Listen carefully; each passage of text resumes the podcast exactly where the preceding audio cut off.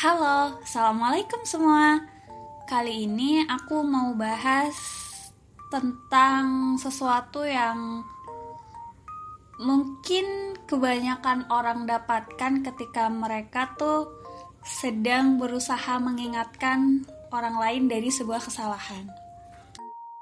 Beberapa tuh kayak lagi diingetin nih, kita uh, misalkan kayak si A lagi ngingetin si B untuk uh, jangan melakukan hal ini karena ini tuh salah gitu kan. Eh justru malah dinasehatin balik dengan ungkapan eh jangan jadi orang yang mabuk agama deh kayak gitulah yang semacam itu gitu kan. Sebenarnya untuk aku sendiri tuh dari aku SD SMP dan SMA aku diajarin pada mata pelajaran agama Islam ya bahwa fungsi dari agama itu adalah pedoman hidup manusia di dunia. Nah makanya dari sini tuh aku ngerasa ngerasa banget gak make sense sama orang-orang yang berusaha untuk menyekularisasi Islam gitu loh. Iya sih mungkin dulu di Eropa itu bisa maju dari dark age-nya karena menyekularisasi agama tapi kan agamanya dia tuh dulu bukan Islam kan mayoritasnya. Jadi itu aku nggak make sense banget sama orang-orang yang berusaha memisahkan agama terutama agama Islam ya. Agama Islam dengan urusan dunia gitu loh sebenarnya tuh Islam tuh udah komprehensif banget. Udah ngatur semua urusan manusia dari dia bangun tidur sampai dia tidur lagi gitu bahkan ketika lu ke kamar mandi pun lu tetap bawa-bawa agama. Dalam Islam tuh diajarin gimana caranya lu beradab untuk memasuki kamar mandi terus kemudian lu bersuci terus habis itu keluar dari kamar mandi dan yang lain. Terus lu mau tidur lu diajarin adab-adab uh, tidur sesuai sunnah rasul. Kayak gitu Islam tuh bener-bener komprehensif banget gitu. Dan sayangnya adalah mungkin kebanyakan dari umat muslim sendiri tuh termasuk aku ya. Uh, kebanyakan adalah mereka masih belum tahu tentang kekompleksan kompleksan belum tahu uh, sekomprehensifnya Islam itu sendiri gitu. Bahkan mungkin bukan nggak tahu lagi ya malah nggak mau tahu gitu kan. Nah itu yang sebenarnya harus diperbaiki dari umat muslimnya itu sendiri gitu dan aku tuh dulu pernah ngajak diskusi juga sama Kak Anis. Kak Anis yang aku mention di podcast sebelumnya. Aku pernah nanya ke dia kira kira-kira ada nggak sih standar atau ukuran seseorang tuh bisa dikatakan mabuk agama gitu? Istilahnya kayak seseorang tuh bisa dikatakan mabok kalau dosisnya tuh berapa gitu loh. Karena menurut aku pelabelan mabuk agama tuh udahlah subjektif banget. Terus juga apa ya sulit diukur gitu loh orang tuh mabuk agama atau enggak ketika apa? Apakah ketika dalam frekuensi 24 jam sehari dia bawa-bawa agama atau apa gitu kan? Dan bawa-bawa agama itu apa yang dibawa gitu kan? Itu itu hal-hal yang apa ya bisa dibilang masih aku pertanyakan gitu kan. Mungkin kalau misalkan ada dari teman-teman yang pernah melebeli orang lain dengan mabuk agama mungkin bisa bantu menjawab gitu ya. Dan uh, Kanis juga bilang kalau orang itu kalau misalkan dia being hit at a nerve pasti dia tuh akan merasa tersinggung gitu. Ketika orang lagi ngelakuin satu kesalahan terus dia diingetin pasti dia akan merasa tersinggung gitu. Karena posisinya dia tahu dia melakukan sesuatu yang salah tapi dia belum bisa ngelakuin sesuatu yang benar. Jadi a way to justify ya labeling people that are different from us gitu loh. Dalam Islam sendiri kan dikenal dengan istilah orang muslim dan orang mukmin kan kalau orang muslim itu adalah orang-orang yang menganut agama Islam. Sedangkan kalau orang mukmin ini orang-orang muslim yang berusaha untuk lebih taat kepada agamanya kepada Tuhannya gitu loh gak tahu sih ya asumsi aku sih kenapa label mabuk agama ini terkesan menjadi sesuatu yang negatif mungkin orang tuh mengkaitkannya dengan fenomena teroris ya. Yang mana biasanya kan teroris itu walaupun kita sebenarnya nggak tahu ya teroris itu sendiri apakah benar-benar uh, umat muslim atau bukan gitu ya. Siapa tahu kan dia cuma hanya mengenakan simbol simbol-simbol agama tertentu aja. Sekalipun dalam kepercayaannya tuh dia sebenarnya enggak gitu kan enggak menganut agama itu.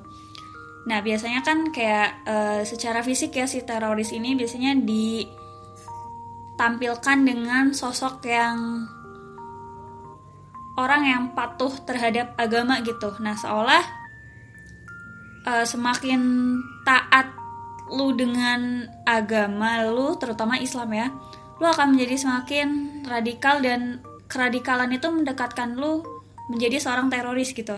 Ya mungkin kayak gitu kali ya.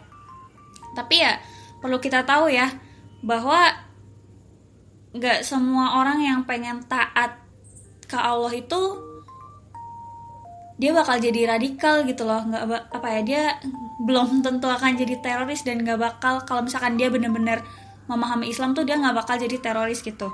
Sebenarnya kan adanya fenomena teroris ini ya ada beberapa orang ada beberapa pihak-pihak tertentu yang mereka tuh miskonsepsi dalam pemahaman dalam pemahaman agamanya gitu loh.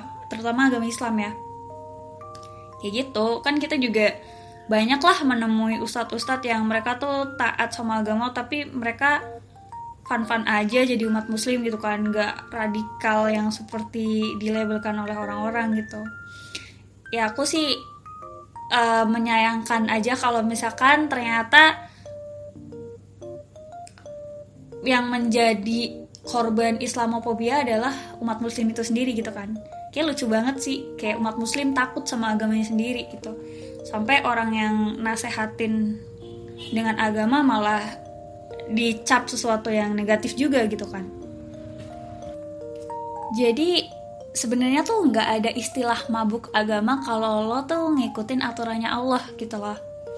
Dan kita sendiri pun beribadah kan juga gak butuh justifikasi dari manusia ya. Dan aku juga sering banget dinasehatin sama seseorang yang mana ini tuh jadi salah satu tolak ukur ria atau enggaknya seseorang dalam beribadah gitu kan. Yaitu kalau misalkan kita dipuji kita tuh nggak bangga diri kemudian kalau misalkan kita dimaki kita tuh nggak ngerasa rendah diri. Itu. Jadi uh, balik lagi ya ke teman-teman semua ketika pengen berdakwah gitu ya amar ma'ruf nahi mungkar. Diperhatikan lagi niat-niat kita nih jangan sampai belok. Karena sekalinya belok dikit itu bisa jadi sia-sia udah yang pernah kita lakukan sebelum-sebelumnya gitu kan. Karena kan niat itu jadi salah satu hal yang paling krusial banget dalam agama Islam dan kalau misalkan kita tahu antara amar ma'ruf dan nahi mungkar itu kan nahi mungkar itu bisa dibilang lebih susah untuk dilakukan karena seolah kalau misalnya kita apa ya melarang seseorang melakukan kemungkaran kan kita kayak lagi memutus kesenangan orang lain gitu loh. Kayak orang lagi mabok atau apa terus kita bilang eh nggak boleh mabok mabok itu haram gitu kan. Terus kayak pan sih lu? Apa apa bawa bawa agama. Apa bawa bawa agama gitu kan. Nah jadi jangan sampailah uh, kita tuh jadi budaknya hawa nafsu gitu. Karena nafsu tuh kalau misalkan kita ladenin bakal minta terus-terusan gitu loh. Kayak apa ya kecanduan gitulah kecanduan hawa nafsu kan ya berbahaya juga ya ngobatinya ribet lagi kan mencegah itu lebih baik daripada mengobati gitu dan menurutku juga sebenarnya tuh uh, perlu banget ya ada kedewasaan untuk seseorang tuh bisa mengakui kesalahannya gitu kan. Jadi ya karena kita tahu kan gak semua orang yang berusia tua itu dia akan semakin dewasa gitu kan. Ya anggap aja lah ini tuh sebagai ujian yang insya Allah dapat menggugurkan dosa dan menaikkan derajat kemuliaan kita gitu. Karena kan dalam Quran surat Al-Asr kan kita diperintahkan untuk menasehati dalam kebaikan dan kesabaran gitu kan. Jadi ya selain kita menasehati dalam kebaikan, kita juga harus sabar gitu nasehatinya. Karena orang tuh nggak bisa dalam sekali diingetin dia akan langsung berubah gitu kan. Apalagi kita tahu bahwa hidayah itu kan cuma Allah yang bisa ngasih kan. Kita tuh nggak punya kuasa apa pun terhadap hal itu jadi kita fokus aja sih sama apa yang Allah perintahkan ke kita gitu kan kita diperintahkan untuk amar ma'ruf nahi mungkarnya terlepas orang itu mau ngikutin up atau enggak ya itu urusannya dia gitu loh dan ini yang aku ingat banget dari bukunya Ustadz Akmal Syafril intinya dalam buku itu beliau bilang bahwa Bagaimanapun, tugas kita itu sebagai Muslim adalah menyampaikan kebenaran dengan cara sebaik-baiknya. Jika mereka tak mampu mendengar, maka insya Allah masih banyak orang yang mampu membuka hatinya. Jadi ya, menurut aku sih kalau misalkan uh, perantara hidayah seseorang itu nggak melalui kita, pasti adalah orang lain yang lebih mampu untuk membuka itu daripada diri kita gitu kan. Aku juga nemu kemarin tuh nemu sebuah postingan di explore Instagram dan dalam postingan tersebut sih dibilang bahwa ini ungkapannya Imam Ash-Syafi'i tapi mungkin uh, teman-teman bisa cari tahu lagi ya dan kalaupun emang ternyata bukan seenggaknya kita bisa ngambil ibroh dari ungkapan tersebut gitu jadi uh, dibilang bahwa ketika orang dinasehati itu dia akan punya dua kemungkinan. Yang pertama, orang bodoh itu akan tersinggung. Kedua, orang cerdas itu akan merenung. Karena sama halnya kita tuh sulit untuk ngasih tahu lalat bahwa bunga itu lebih indah daripada sampah. Dan sebagai penutup untuk episode kali ini, ada sebuah ungkapan yang menurut aku ini bisa membantah orang-orang yang berusaha untuk menjatuhkan mental kita dengan label mabuk agama.